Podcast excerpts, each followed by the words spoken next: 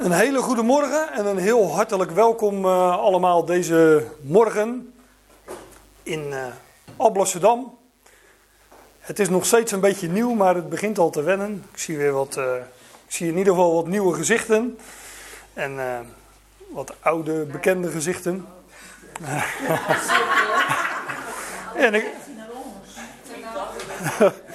ik, ik, had het niet over jou, maar ik. Ik, ik kan natuurlijk een heel rijtje, rijtje gaan maken nu, maar uh, laten we dat maar niet doen. Laten we gaan beginnen met uh, de studie. En uh, ik heb dat maar de titel gegeven: David speelt op de harp. En dat is een gedeelte in 1 Samuel 16. En daar waren we de vorige keer ook al. Want dit is het gedeelte wat direct volgt op uh, het gedeelte over de zalving van David. En, uh, twee weken terug had ik het hier over uh, de zalving van David. En ik zei toen, nou misschien ga ik het de volgende keer wel over het vervolg hebben.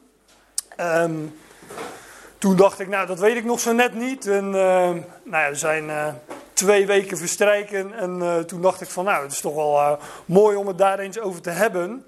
En... Um, ja, er staat natuurlijk een, uh, een heel ander thema op, uh, uh, op het scherm, maar het is natuurlijk zo dat ehm, de geschiedenis zich gewoon voortzet. En deze, de, dit gedeelte heeft ook alles te maken met, met dat gedeelte van de vorige keer. En dat zal ik dan ook wel laten zien. Maar vanwege de nieuwe gezichten en maar ook de andere in eerste instantie voor mezelf uh, even het geheugen opfrissen van uh, waar hadden we het nou de vorige keer over. Zodat we weer even weten van ja, waar we, waar we in, in terecht gekomen zijn. Want ja, dit is 1 Samuel 16 en nou, dat is in ieder geval, we vallen ergens binnen in, in de Bijbel. En vallen ook nog eens ergens binnen in een Bijbelboek natuurlijk, hè, het 16e hoofdstuk. En dan ook nog eens in een bepaald gedeelte waarin in het vorige gedeelte... David ten tonele verscheen en daar uh, gezalfd werd uh, tot koning. Want daar gaan die eerste 13 uh, versen over. En dan moet ik er nog iets bij betrekken. Um, want in het voorgaande van 1 Samuel 16, 1 Samuel 15 dus, daar lezen we dat Saul, die de heersende, regerend koning was, zeg maar, dat hij door God verworpen wordt als koning. Tenminste, uh, dat wordt hem aangezegd door de profeet Samuel. Het is een lang hoofdstuk, 1 Samuel 15. Um, ehm, dus ik ga er niet naartoe en dat heb ik vorige keer ook niet gedaan. Uh, dat kunnen jullie uh, zelf eens nalezen. Maar daar is een hele geschiedenis waar uh, Saul bepaalde instructies krijgt van God. Volgens mij bij het overwinnen van een bepaald volk. Ik dacht dat het de Amalekieten waren. In ieder geval iets met iten op het einde. Maar ja, daar zijn er nogal wat van. Maar volgens mij waren het de Amalekieten en uh, God had instructies gegeven en Sal volgde die instructies niet op. In ieder geval volgde die, uh, die instructies maar gedeeltelijk uh, op. En daar had hij ehm, ja, nogal wat vrome redenen voor. Nou, lees het maar eens na, want het, het is wel een het is wel een interessant hoofdstuk, maar misschien hebben we het daar nog wel eens over, zeg ik dan altijd maar. Maar daar wordt Saul dus uh, aangezegd door Samuel dat, hij, uh, dat zijn koninkrijk van hem zal worden afgenomen. Het, uh, koning Saul is dus een, ja, was maar een he hele tijdelijke koning, een tijdelijke dynastie.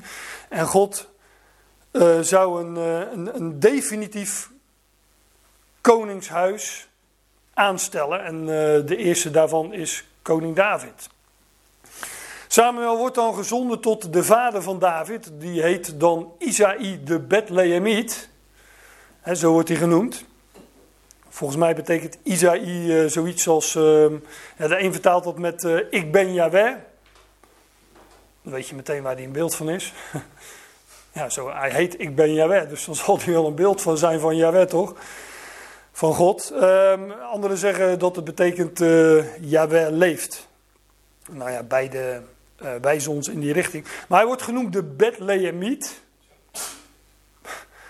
de, de, het koning, hier, wordt, nou, gaat het over de zoon van Isaïe, dat is David. Maar wij kennen allemaal de zoon van David. En die werd geboren in Bethlehem, in de velden van, uh, van Efrata. Dus uh, dat was ook in die zin een, een Bethlehemiet. Dus dat zijn allemaal zaken die ons uh, vooruit doen wijzen naar de zoon van David, hè, de definitieve koning. Ja, Samuel had gezonden tot Isaïe de Bethlehemiet om een van zijn zonen te zalven tot koning. Ja, dat is leuk, want dat vindt plaats onder de dekmantel, heb ik het maar genoemd. Ik kan ook kunnen zeggen onder de bedekking van een offer Samuel werd, gezonden om een koning te, te zalven. En toen zei hij van ja, uh, als Saul daarachter komt, dan uh, ben ik uh, de klos, Pisang. Ja, dankjewel. ja, er zijn ook nog minder net... Dus dan, dus de, nou zeggen, zei de heer van, neem een, voor mij moest hij een, een geitenbokje meenemen en ehm, dat zou dan ehm, dienen als offer. En bij dat offer vond dan een offermaaltijd plaats. En hij zou dan met Isaïe en zijn uh, zonen aanzitten aan dat offer. Dus het is een, een geheime missie van Samuel, een geheime bijeenkomst. Ja, en als we de brieven van Paulus kennen, dan weten we als het gaat over geheimen, geheimenissen, verborgenheden. Hè, de, en, uh, ja, dan, dan, dan weten we in ieder geval al, uh, worden we in ieder geval, laat ik het zo zeggen, in de juiste richting gewezen. En ook zo leuk, er komen zeven zonen voorbij. En uh, allemaal zegt uh, Samuel, hè, God via Samuel, deze is het niet, deze is het niet. En dan uh, zegt Samuel tegen Izzy, was dit alles? Hè, zijn dit ze allemaal? Nou, er is er nog eentje, de kleine. David, de kleine, is niet aanwezig, die wijdt de schapen. Dus daardoor weten we ook dat hij een herder is. En hij is hier dus ook in deze geschiedenis is hij dus de achtste zoon van Isaïe. En uh, met een beetje gevoel voor uh, de symboliek van getallen weten we dat, uh, dat de acht spreekt van. De zeven is het getal van de volheid, dus daar voorbij vinden we de acht. En dat spreekt van een nieuwe schepping. Wij zijn hier ook bijeen vandaag op de eerste dag van de week. Er zijn er weer zeven voorbij. Nou, nu volgt een nieuwe reeks. En dat is de eerste dag van de week. Ja, in, je, agenda zal, de, je dat meestal niet zien. Hè. Er wordt de zondag gerekend als de zevende dag. Maar het is toch echt de eerste dag van de week. In ieder geval in de telling van de schrift. Hè, want de sabbat, de zaterdag, is de zevende. Ja, David uh, is een, uh, een herder. Nou, daar vinden we er meer van in de schrift. Allemaal typen van, van Christus. Hij wordt gehaald. En hij, hij, wordt door God aangewezen als koning. En ehm, Samuel zalft hem dan met olie uit de hoorn. En uh, daar wil ik even de draad oppakken in uh, eh, 1 Samuel 16. Een vers dus het, uh, een, vers of anderhalf wat we de vorige keer al besproken hebben. En God zegt tegen Samuel dan, hè, en Jabé zei, sta op, zalf hem, want deze is het. David dus. En Samuel nam de hoorn van de olie, de oliehoorn, en hij zalfde hem te midden van zijn broeders. En de geest van Yahweh was voorspoedig over David vanaf die dag en verder. De NBG en Statenvertaling zeggen zoiets. De geest werd vaardig over David vanaf die dag en verder. Dus uh, ja, ik, zat dat, ik zat dat van de week nog eens in een dia te zetten en toen... Uh, moest ik denken aan een, een profetie van Jezaja. Waar, uh, waar staat in Jezaja 61...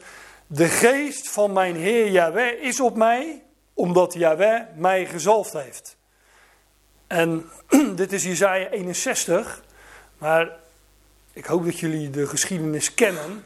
In Lucas 4 vind je dus een geschiedenis waarin Jezus in de synagoge is. En dan... Uh, staat hij op om een uh, stukje uit de boekrol te lezen. En dan is dit het gedeelte wat hij gaat lezen. En hij, hij zegt dan: De geest van mijn Heer Jahweh is op mij, omdat Jahweh mij gezalfd heeft. En hij leest verder. Hij leest niet het hele gedeelte, maar hij leest wel verder. Op een bepaald punt stopt hij. En hij zegt, heden is deze schrift in jullie oren vervuld. En hij gaat zitten. nou, toen werd het dus even stil in de synagoge. Wat uh, tamelijk ongebruikelijk is in een synagoge, een jodenkerk, heb ik begrepen. Maar daar, wordt het dus, daar worden ze even stil van. En uh, nou, dat is dus ook een geschiedenis waar we het misschien eens een keer over moeten hebben, want dat is schitterend, uh, schitterend gezien. Maar dat zijn de woorden die de Heer op zichzelf daar betrekt. De geest van mijn Heer Jaweh is op mij, omdat Hij mij gezalfd heeft. Christus betekent ook de gezalfde. En nou, hier is David dus gezalfd. En natuurlijk is hij daarin de uitbeelding van de zoon van David. Een type van de zoon van David. En dat dat hij geest ontvangt, dat spreekt van nieuw leven, van opstandingsleven, van hem die opgewekt werd uit de dood. En eh, onvergankelijk leven aan het licht bracht, zoals Paulus dat zegt in de tweede Timotheusbrief. De geest van Jahweh was voorspoedig over David vanaf die dag en verder. En Samuel stond op en hij ging naar Rama. En Rama betekent hoge plaats. En wat je hier dus in uh, nou, anderhalf vers is het niet eens, uh, één vers en een beetje vindt, is in, nou, de offer, dat offer dat staat in het voorgaande, maar opstaan, hè, opstanding, zalving, geest en gaan naar de hoge plaats. Nou, het zijn allemaal dingen die spreken van Hem. Die, uh, hij, hij is het ware paascha, hij, is het offer. Hij stond op uit de doden, werd door God opgewekt uit de doden. Hij stond op en uh, ja, hij was de gezalde. Hij was de Christus, de Mashiach in het Hebreeuws. Hij ontving geest en hij ging naar een hoge plaats. Namelijk God zette hem aan zijn rechterhand in de hemel. Daar is David dus een, uh, een type van. En uh, ja, ik heb dat vorige keer ook gezegd. Uh, David werd hier gezalfd tot koning. Maar in de praktijk was Saul nog de koning. Hè? Dus voor David, ja, wat zal er nou voor David veranderd zijn? Niet zo heel, tenminste in de praktijk. En natuurlijk, hij wist dat hij koning was en uh, dat God hem een koninkrijk zou geven. Maar hij, hij, had, laat ik het zo zeggen, hij had op dat moment nog geen openbaar koninkrijk. Hij was nog niet geopenbaard als de koning, de koning van Israël. En, uh, dus hij, uh, hij bleef gewoon verborgen. Hij bleef de verborgen koning. En hij zal naar zijn schapen zijn gegaan. Een schitterend plaatje van onze tijd waarin de Heer de gezalfde is, de Mashiach, de Christus. Waar is hij? Nou, hij is een hoge plaats. Heeft hij dan een koninkrijk? Nou, uh, ja, nou, maar ook nou, niet geopenbaard in ieder geval. Maar wel een verborgen koninkrijk. Het koninkrijk van de zoon van zijn liefde is uh, een, uh, tot nu toe een verborgen koninkrijk. Nou, en dan komen we dus in dat gedeelte wat ik uh, wil gaan bespreken. Tot zover was het slechts terugblik. En dan lees je. En geest van Jahweh trok zich terug van Sal. Even, ik moet even een, een opmerking maken. Um, men zegt wel dat dit gedeelte chronologisch pas komt achter um, 1 Samuel 17, dus ongeveer rond 1 Samuel 18. En 1 Samuel 17, dat kennen jullie allemaal, want dat is de geschiedenis van David en Goliath. Um, dus dit gedeelte zou dan thematisch ingedeeld zijn in 1 Samuel 16 en niet in 1 Samuel 18. En uh, we komen daar straks al op. David wordt uh, iets van een krijgsman of krijgsheld genoemd. Door uh, de dienaren van Saul. Daar kun je wel afvragen, krijgsheld, krijgsman, hoezo dan? We kennen hem hier alleen nog maar van die David die achter de schapen vandaan werd gehaald. Maar als je het zou, in tijd zou plaatsen achter 1 Samuel, dus rond 1 Samuel 18, ja, dan had hij de reus al verslagen. En dan is hij inderdaad een, een krijgsheld. Nou, voor wat het waard is, want ik bespreek gewoon dit gedeelte. Um, um, maar ik geef het er maar bij, omdat het... Uh, voor wat het waard is. Dus dat mogen jullie zelf eens, uh, eens uitzoeken. Ja, een nieuwe pericoop of een nieuw gedeelte. Hè. Er staat in mijn Bijbel ook een uh, nieuw kopje boven. Maar het, het, het verhaal gaat gewoon verder. Dat gaf ik net in mijn inleiding ook al even aan. We lazen het, de geest werd vaardig over David de geest werd voorspoedig over David, hoe het er ook precies staat. Dus David ontvangt geest en hij is de gezal, op het moment dat hij de gezalfde wordt. En van, en van Saul lees je dat de geest zich terugtrekt. Dus dat is precies het tegenovergestelde. Saul is een. Uh, ja, daar, daar, valt heel veel over te zeggen. Maar Saul is in ieder geval een, uh, een, een uitbeelding van het oude verbond, de wet. Zou ook nog kunnen zeggen van Israël onder de wet. Maar uh, dat is zo ongeveer hetzelfde, want die wet is echt alleen maar aan uh, Israël gegeven natuurlijk.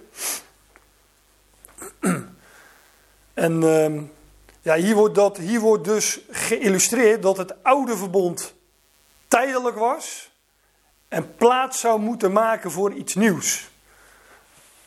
En dat, um, dat oude verbond is ook door God gegeven. Maar de, de, God zou dat terugtrekken. De, dat zou uh, terzijde worden gesteld. Net als Israël ook terzijde zou worden gesteld. Dus de geest van Jewe trok zich terug van Saul. Je zou denken, ja, maar, en, uh, maar, maar, hij werd vader over David. Ja, ik, ik, je krijgt allemaal kortsluiting als je dit soort namen leest. Want we kennen ook een Saul uit een heel stuk verder in de Bijbel. Uit het Nieuwe Testament. Uit het boek Handelingen. Saul, Saul, wat vervolg je mij? Maar dat gaat niet over deze Saul, maar over een andere Saul. En deze Saul, die gaat David later weer vervolgen. Dus dat, het is echt niet zo dat ik het dat er maar bij, uh, bij haal. Dat soort associaties komen gewoon vanzelf op. Saul, Saul, wat vervolg je mij? He, Saul, Saul ja, wie vervolgde die dan? Nou, toen sprak de zoon van David, de zoon van David, tot hem vanuit de hemel. Saul, Saul, wat vervolg je mij? Nou, hier gaat het over die andere Saul, die achter David aan zit. En, uh, nou ja. Dus, uh, ja, toen het nieuwe, toen het, toen het, dat staat in Hebreeën, toen het nieuwe verbond werd uh, aangekondigd, was het eerste oud en nabij de verdwijning. Dat is een, uh, in Hebreeën 8 wordt er een lang citaat gegeven uit Jeremia 31. Jeremia 31, daar staat, ja, daar wordt het nieuwe verbond aangekondigd. Maar mo moet je indenken, want ik weet niet precies in de, dat had ik natuurlijk even misschien in een tijdlijntje moeten zetten, wanneer dat plaatsvond in de chronologie, dat Jeremia, die, eh, die, die woorden van Jeremia, dat God zegt van ik zal een nieuw verbond uh, oprichten met mijn volk. Niet zoals het oude. Uh, maar ik zal, en dan belooft God uh, zevenmaal dat hij zal, um, in ieder geval dat, dat hij alles zal doen. Dat hij dat verbond zal vervullen. En dat er dus niets bij de, bij de mens ligt. Maar dan moet je nadenken, moet je in, dat onder het oude verbond, zei God, er komt, ik zal een nieuw verbond geven. En Hebreeën zegt daarvan, als commentaar op die woorden uit Jeremia 31, zodra er gesproken wordt over een nieuw, ja, weet je al dat het oude nabij de verdwijning is. Dus eigenlijk niets meer waard is. En we lezen dan ook van de Heer Jezus in de Evangelie. Dat hij het, uh, ja, hoe zeg ik dat? Dat hij het niet zo nauw nam met die uh, regels uit het oude verbond. Maar dat hij al vooruit wees naar het nieuwe. Nou ja, een onderwerp op zich natuurlijk. Maar dat wordt hier dus geïllustreerd. Een oud verbond zou verdwijnen en God zou iets nieuws geven. En dat zou hij vestigen, vaststellen.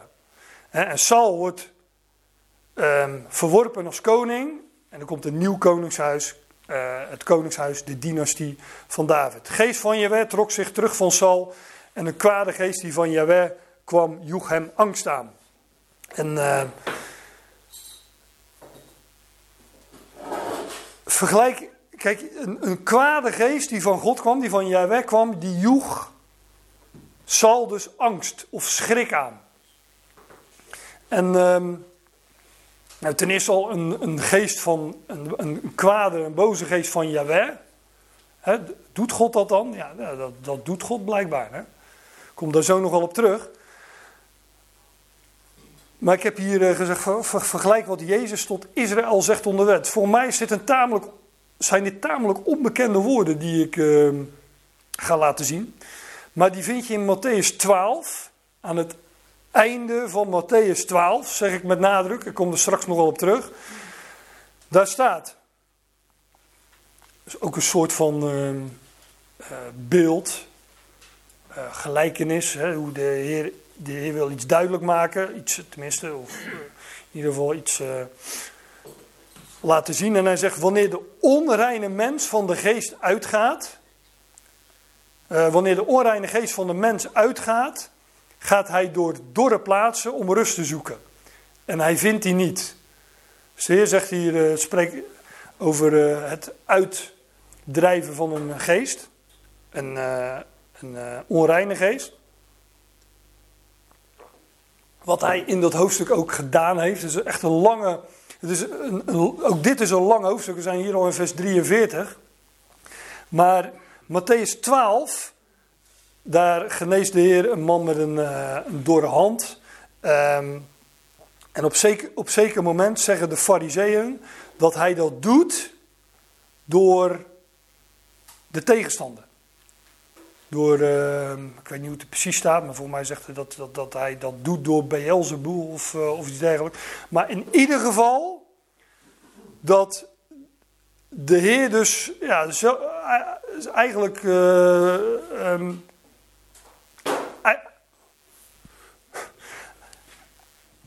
Ze zeggen dus tegen de Heer dat hij demonen uitdrijft doordat hij zelf een demon is. Ik weet niet of ik het helemaal goed zeg, maar in ieder geval, um, in plaats van uh, te, te, te, geloven wat hij doet, het teken te aanvaarden, zeggen ze van, nee, ja, dat kan je alleen maar doen omdat je de duivel zelf bent, bij wijze van spreken.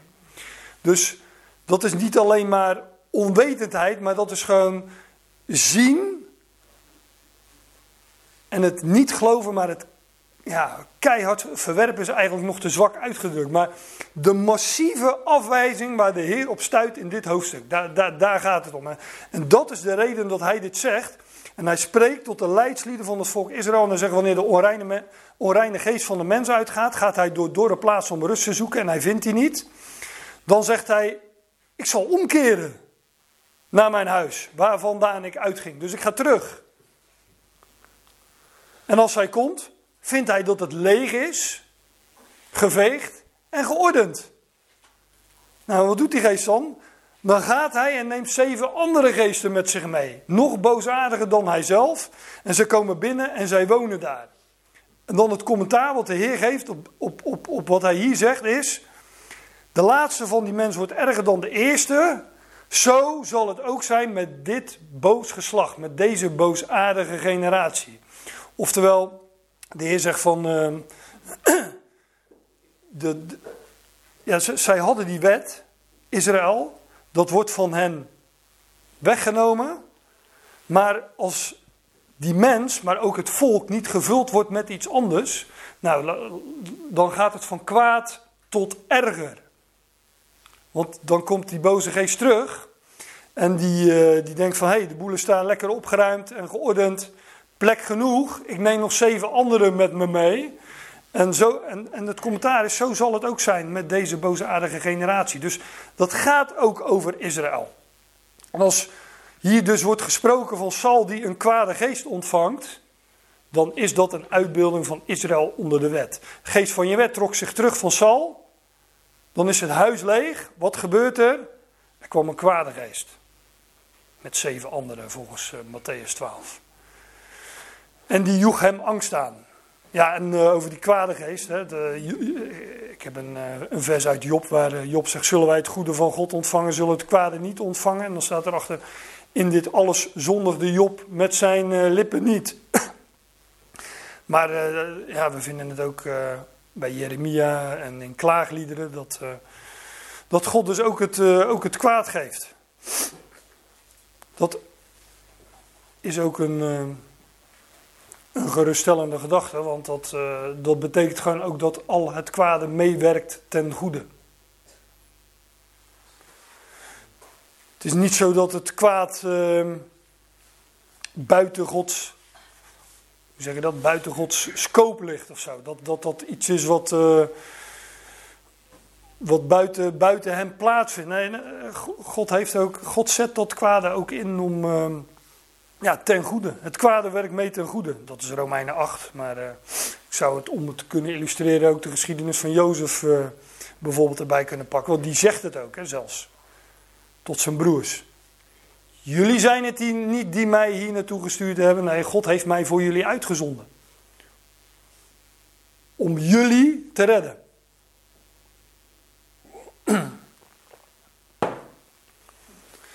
En dan zegt het kinderlied, uh, en de broers ze moeten buigen en het kwade valt in duigen. Het kwade viel dus in duigen. Het kwaad was geen kwaad meer namelijk. Nou, dat zal met al het kwaad gebeuren.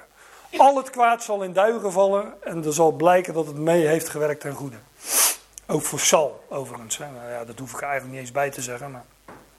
Een kwade geest die van je wegkwam, joeg hem angst aan of schrik, zeggen andere vertalingen. Dat is trouwens ook wat het oude verbond doet, hè? Dat jaagt angst aan, schrik. Want ja, je kan er niet aan voldoen aan die wet. Het is nooit voldoende als je onder de wet leeft. Kom altijd tekort. En wat blijft er dan over? Ja, oordeel.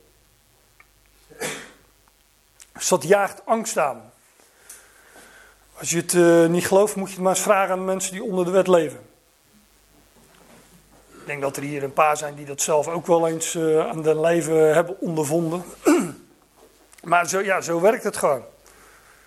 Hel en verdoemenis, dat, uh, dat staat je dan te wachten. En, nou ja, dat is geen, geen goed bericht is ook, ook niet naar de schrift overigens, maar uh, nou ja, daar hebben we het al zo vaak over gehad. En ongetwijfeld hebben we het daar nog wel eens over. Maar het, het, het, oude verbond is een bediening des doods. En een bediening van veroordeling, zegt Paulus in 2 Korinthe 3. Dus dat jaagt angst of schrik aan. En de dienaren van Saul zeiden tot hem: Zie toch, een kwade geest van God jaagt u angst aan. Ja, Sal die een uitbeelding is van uh, de heerschappij van de wet, maar tijdelijk en wordt, uh, wordt terzijde gezet. En het is de zalving van David die, uh, die dat in werking stelt, hè? Die, die dat bewerkt. En ehm, ja, Paulus zegt ook dat Christus het einde is der wet. Het einde der wet is Christus. Dus uh, toen hij de gezalfde werd, toen hij opgewekt werd door God uit de dood, was dat uh, het definitieve einde van, uh, van het oude verbond. Laat onze Heer toch tot uw dienaren voor uw aangezicht zeggen dat zij een man zoeken die weet hoe op de harp te spelen. ja, dat is niet. dat, dat is. Dat is dus het advies wat de dienaren geven. Zeg tegen ons dat we iemand moeten gaan zoeken die op de harp kan spelen. Overigens zeggen sommige vertalingen uh, de citer. Ik heb, dat, uh, ik heb niet veel verstand, veel verstand van muziekinstrumenten, maar uh, met Google kom je een end natuurlijk. Dus ik heb eens opgezocht wat een citer is. Nou, ik vond wel op een harp lijken overigens. Ehm, het is in ieder geval zo'n een snareninstrument. En voor mij is een citer weer wat kleiner dan een harp had vroeger een, uh, een, klasgenootje op de basisschool die speelde harp. dat was een ding zeg. Die, uh, ja, dat is echt, echt groot. Dus dat, moet, dus dat je echt zo met één, want je speelt met één hand. Hè? Nou, daar kom ik zo nog wel op. Maar ehm, ja, dan moest, je toch echt... met twee? Met die één hou je hem toch beet? Met twee zo? Zit tegen je schouder. Maar wist je wat voor onderwerp hadden we vanmorgen dan? Ja, nee, uh, heeft niemand gezegd van nou neem die harp eens mee? Uh. Oh, die speel je met twee handen. Nou ja. Hij leunt tegen je schouder aan. Zoveel verstand heb ik er dus van.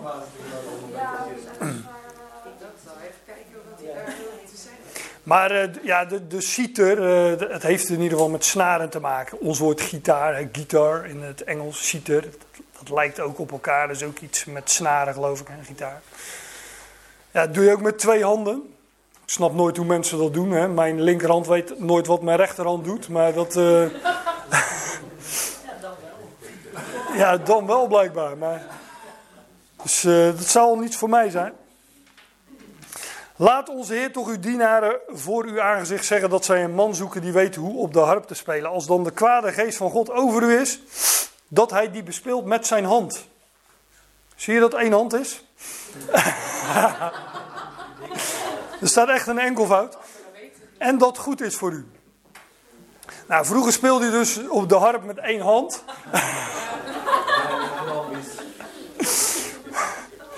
Maar, maar er staat, staat een enkelvoud, dat is wel bijzonder. Die hand met, met vijf vingers. Vijf spreekt altijd van, uh, van genade. Maar, nou ja, een harp is in het uh, Hebreeuws een kinor.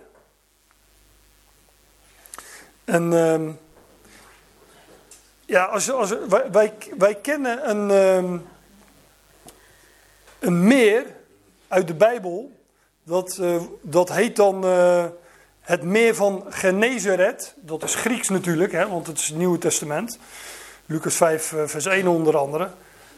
Ehm, het heet geloof ik ook het meer of de zee van Tiberias. Ehm, van Galilea. Dat heeft, uh, heeft nogal wat namen. Maar oh, het wordt ook genoemd het meer van Genezeret. En in het Hebreeuws Kinneret. Dat, is, uh, dat komt van het, van het woord kinoor. Dus ehm, ja, eigenlijk is het gewoon het meer, het meer van de harp. Ik weet niet of dat heel vrij vertaald is dan, maar daar heeft het in ieder geval mee te maken. En je hebt er niet echt heel veel fantasie voor nodig om, uh, om te zien dat het ook de vorm uh, enigszins wel, in ieder geval enigszins heeft van een harp. En ehm, Psalm 49, wie schreef ook weer al die bijna al die psalmen, dat was David. En die, maar, David wordt in, ja dat is weer handelingen 2. Als je het over David gaat hebben kun je natuurlijk de hele Bijbel door zou je al kunnen beginnen in uh, Genesis. Hè, de scepter zal van Juda niet wijken.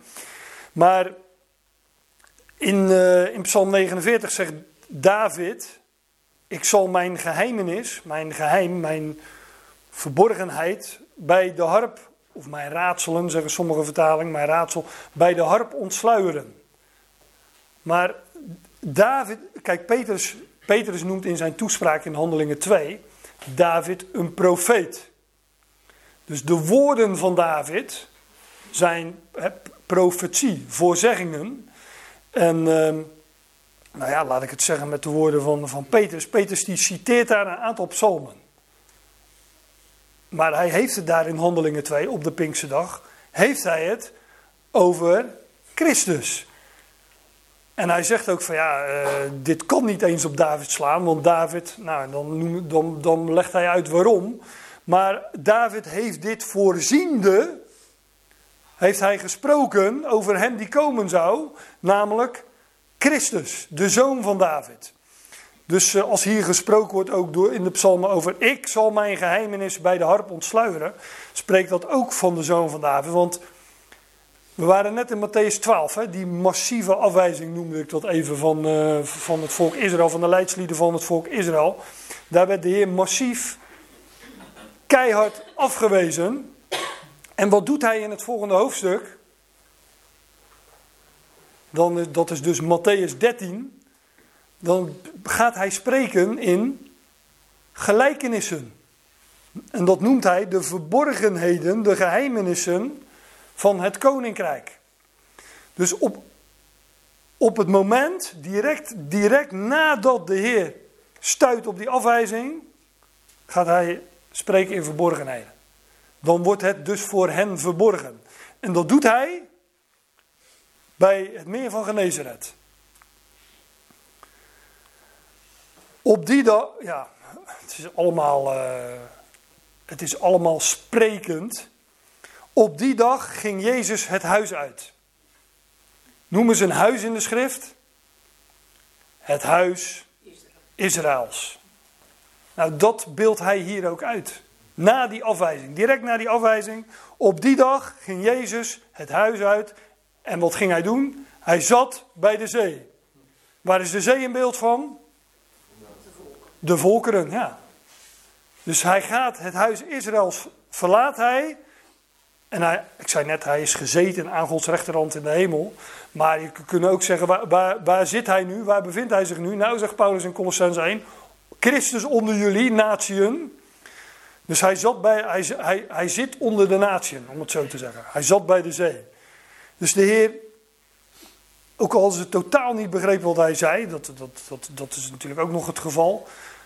Ze hadden, kunnen, hij, ze hadden kunnen zien wat hij, wat, hij, ja, wat, hij, wat, wat, wat hij ging zeggen. Dat beelde hij ook nog eens uit in wat hij deed. Dus hij ging het huis uit en hij zat bij de zee. En vele scharen verzamelden zich tot hem, zodat hij in een schip ging en daar ging zitten. En de gehele schare stond op de oever. Ja, dus die bleven op het land. Ook een uitbeelding natuurlijk van Israël, het land. En dat deed de Heer. Ja, bij, hier staat bij de zee, maar dat is uh, het meer, de eh, zee, meer van Genezeret. Of Tiberias of Galilea enzovoort. Hè? Ik zal mijn geheimen, geheimenis bij de harp ontsluieren. Daar ging de Heer spreken in geheimen, in verborgenheden. En uh, dat, dat demonstreert hij hier. En dat wordt dus ook, dat wordt ook gedemonstreerd in uh, deze geschiedenis van Saul. Saul wordt terzijde gesteld en David wordt aangesteld als de koning. En de geest wordt teruggetrokken van Saul en de geest werd vader over David.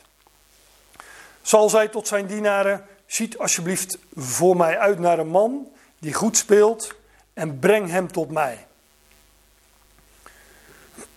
ja. Muziek, daar, daar, daar valt uh, veel over te zeggen. Misschien niet door mij, misschien dat ik niet helemaal de aangewezen persoon uh, daarvoor ben. Ik sta niet echt bekend als uh, muzikaal, geloof ik. Hoewel ik best voor. Ik, ik, kijk, ik ben wel een muziekliefhebber, precies. En Jos weet er alles van. En ook al hebben velen van jullie mij nog nooit zien zingen. Jos wel, maar. maar dan verdween het in, uh, in het uh, rumoer van 10.000 of 50.000 anderen. En dan, uh, dan durf ik het wel aan, zeg maar. nee. Maar ja, we weten natuurlijk allemaal. Kijk, we weten allemaal wat we in meer of mindere mate wat muziek met een mens kan doen. Kan je. Het, ja, het kan je blij maken. Maar ook, ook de andere kant op trouwens. Hè, als je, zijn dat ook geen muziektermen, majeur en mineur. Hè? Dus uh, als je in mineur bent, dan kun je daar ook. Uh, een uh, afspeellijstje voor opzoeken op Spotify, neem ik aan. maar nee, ik ben, ik, ik ben best een muziekliefhebber. Ja. En als je het niet gelooft, dan moet je eind van het jaar eens naar me toe komen. En dan heb je op Spotify al zo'n jaaroverzichtje met hoeveel minuten je geluisterd hebt. En dan, dan durf ik de strijd met, met de meeste wel aan te gaan. Ik luister wel vrij veel muziek. Maar ja, muziek weten we ook allemaal is een kwestie van smaak. Hè? En uh, ja, er zijn er die vinden opwekking, dat noemen ze muziek. Nou, daar heb ik weer wat moeite mee. Jij hoort liever kerstliedjes.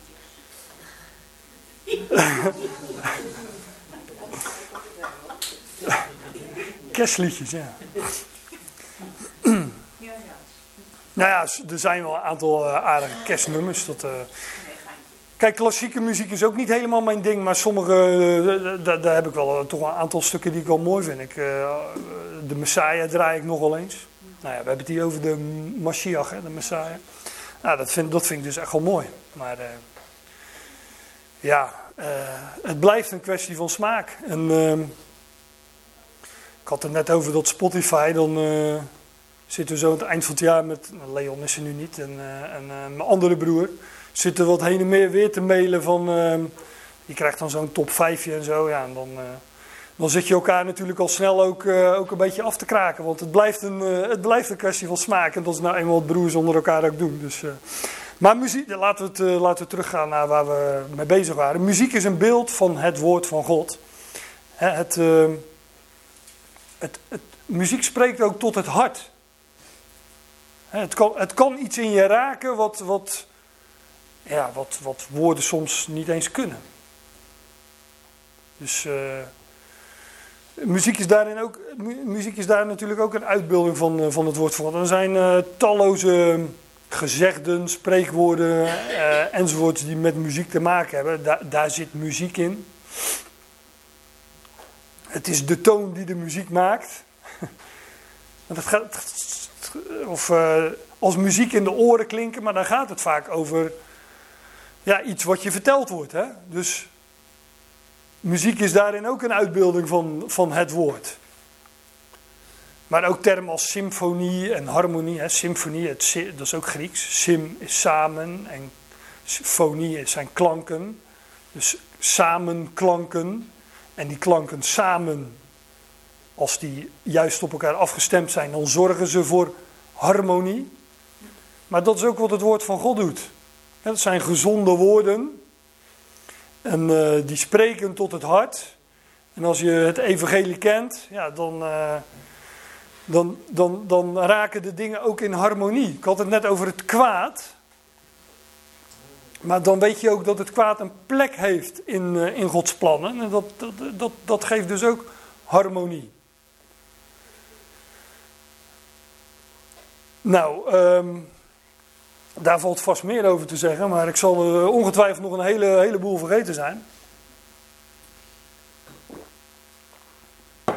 Van toonladders uh, heb ik geen verstand, dat dat voor mij net zo goed Arabisch kunnen zijn, maar uh, ik, uh, maar ook, ik, weet, ik weet dat, dat er zeven tonen zijn, dat, hè, do, so enzovoort.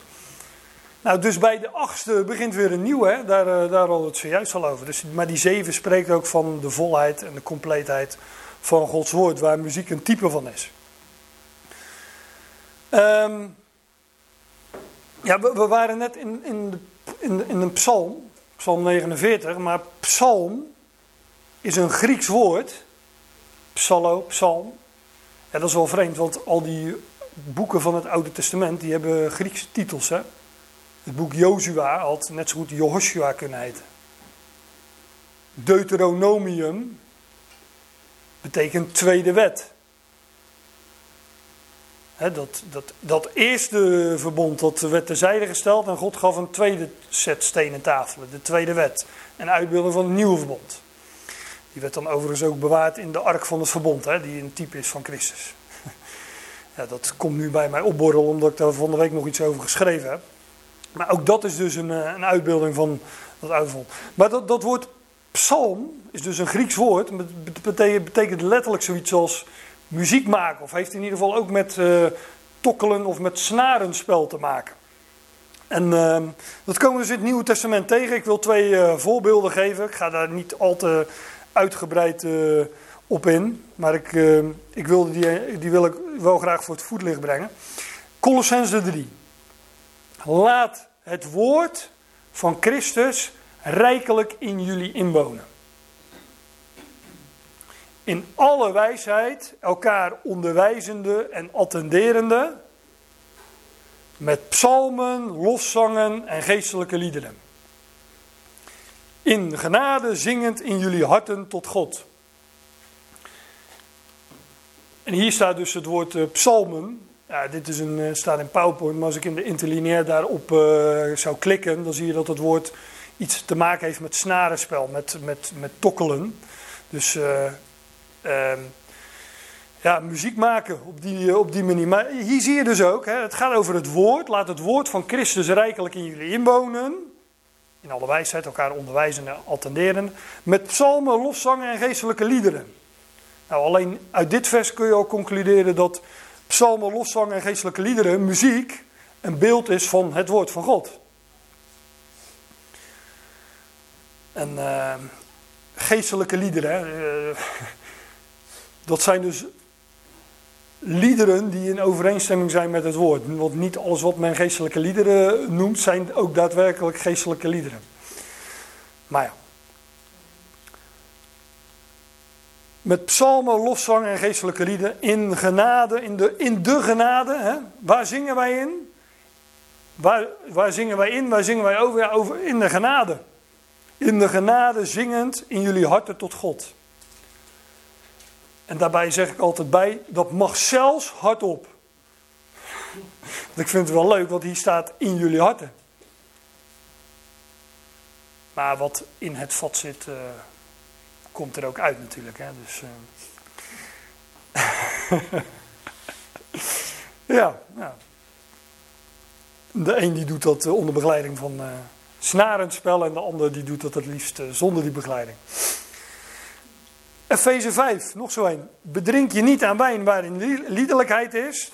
Staat niet drink geen wijn, hè?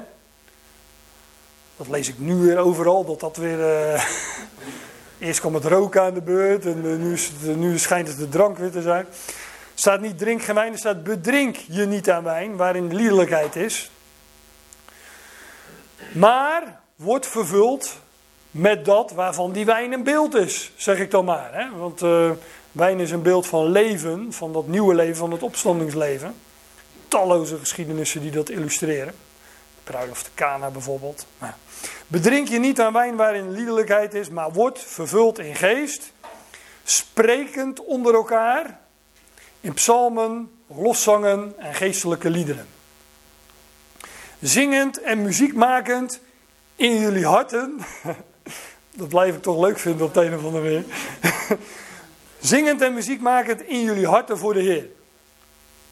En ook hier weer het woord psallo, psalontes muziekmakende, zegt interlineair dan. oh, hier zie je het. Eh, het heeft met uh, strelen, maar dat is niet tokkelen, is natuurlijk uh, strelen.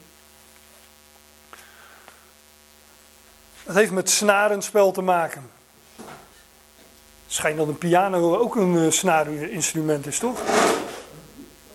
Ik denk altijd meer van dat is een slaginstrument, maar dat schijnt niet zo te zijn.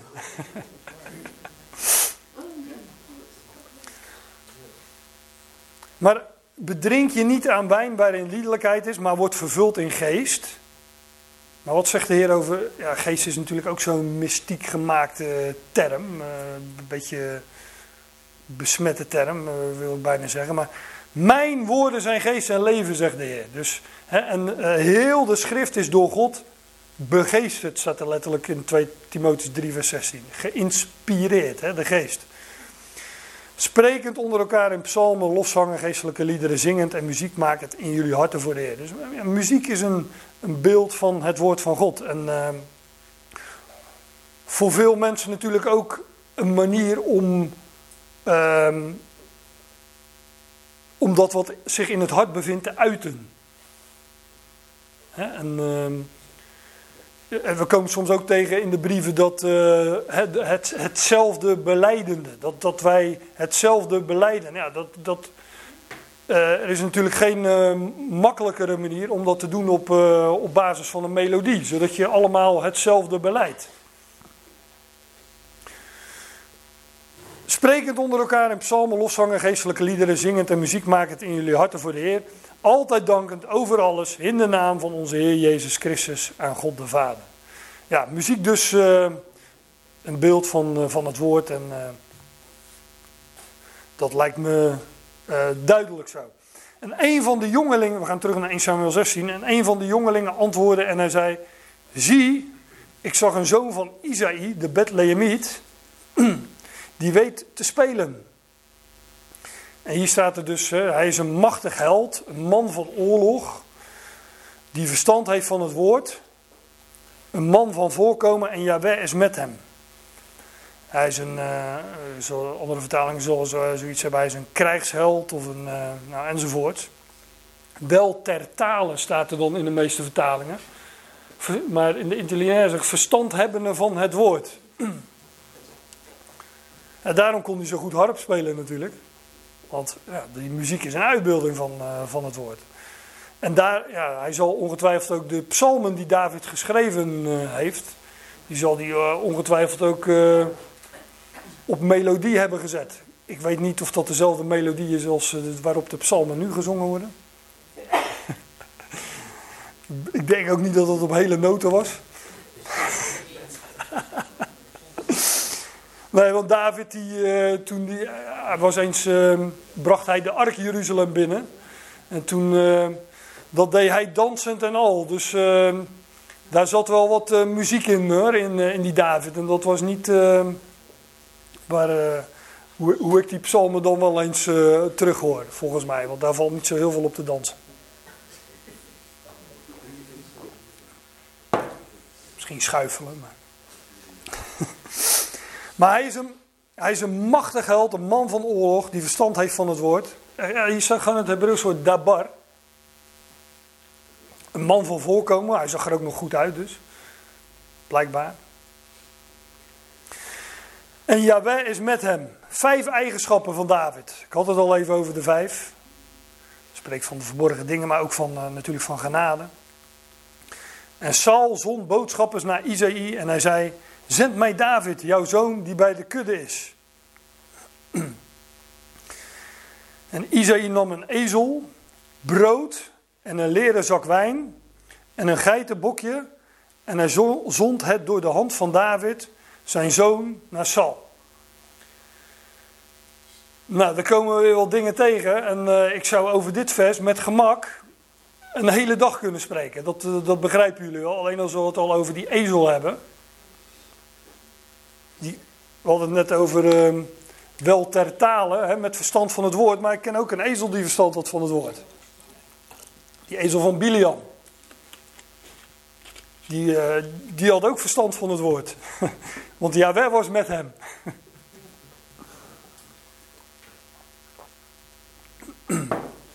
Overigens, Saul,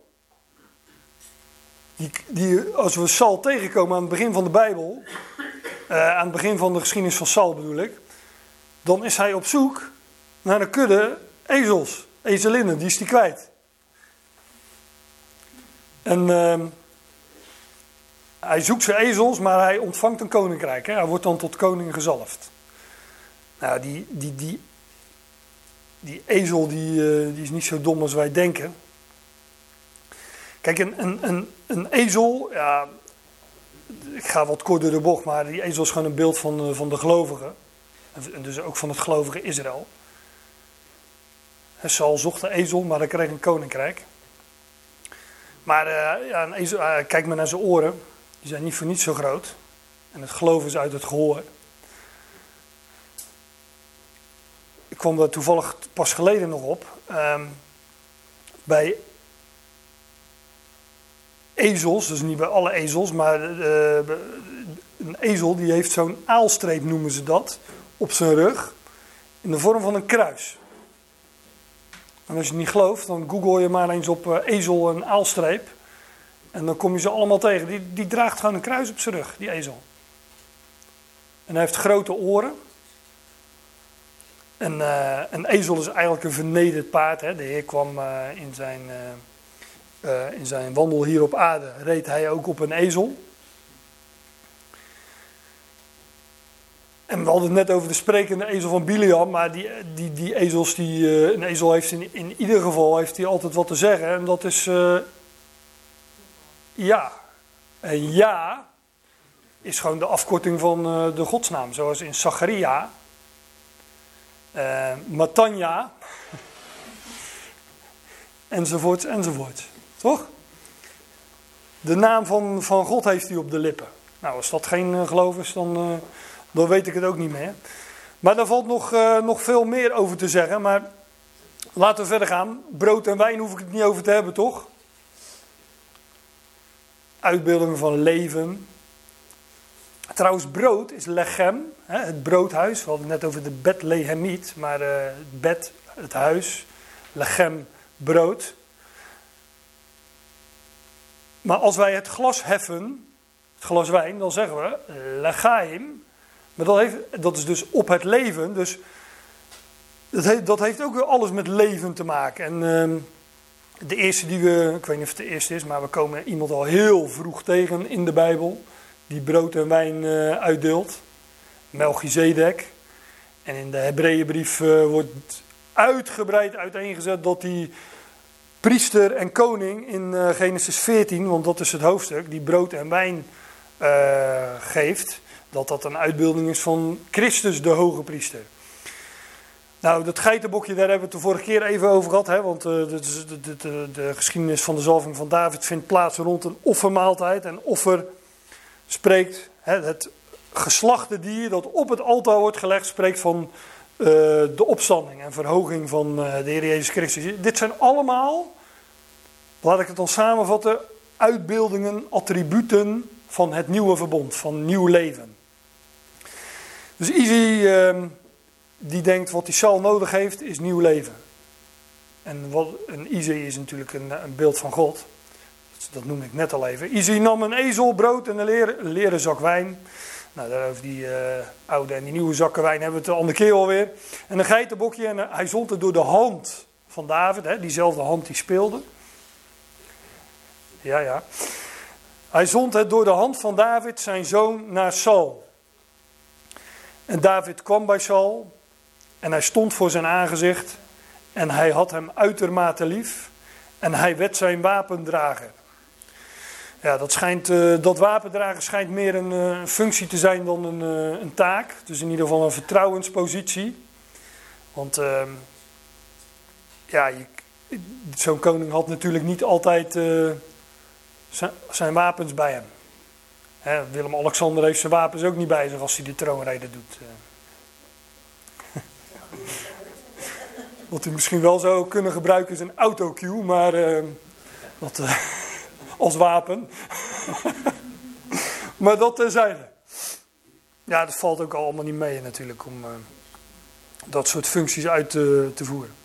Hij liever dan ik, maar hij werd zijn wapendrager en nou, dat, dat, dat schijnt dus meer een, ook een beetje een symbolische functie te zijn.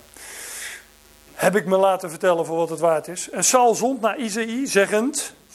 Laat David alsjeblieft voor mijn aangezicht staan, want hij heeft genade gevonden in mijn ogen. Ja, precies, over genade hadden we het al natuurlijk. En het gebeurde als de geest van God over Saul kwam, dat David de harp nam en hij speelde met zijn hand. Ja, ik wil het niet per se gelijk krijgen of zo, maar ja, het staat er drie keer. Drie keer.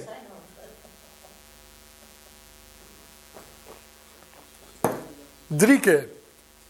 Ja, dat is ook leuk. En het luchtte Sal op en het was goed voor hem.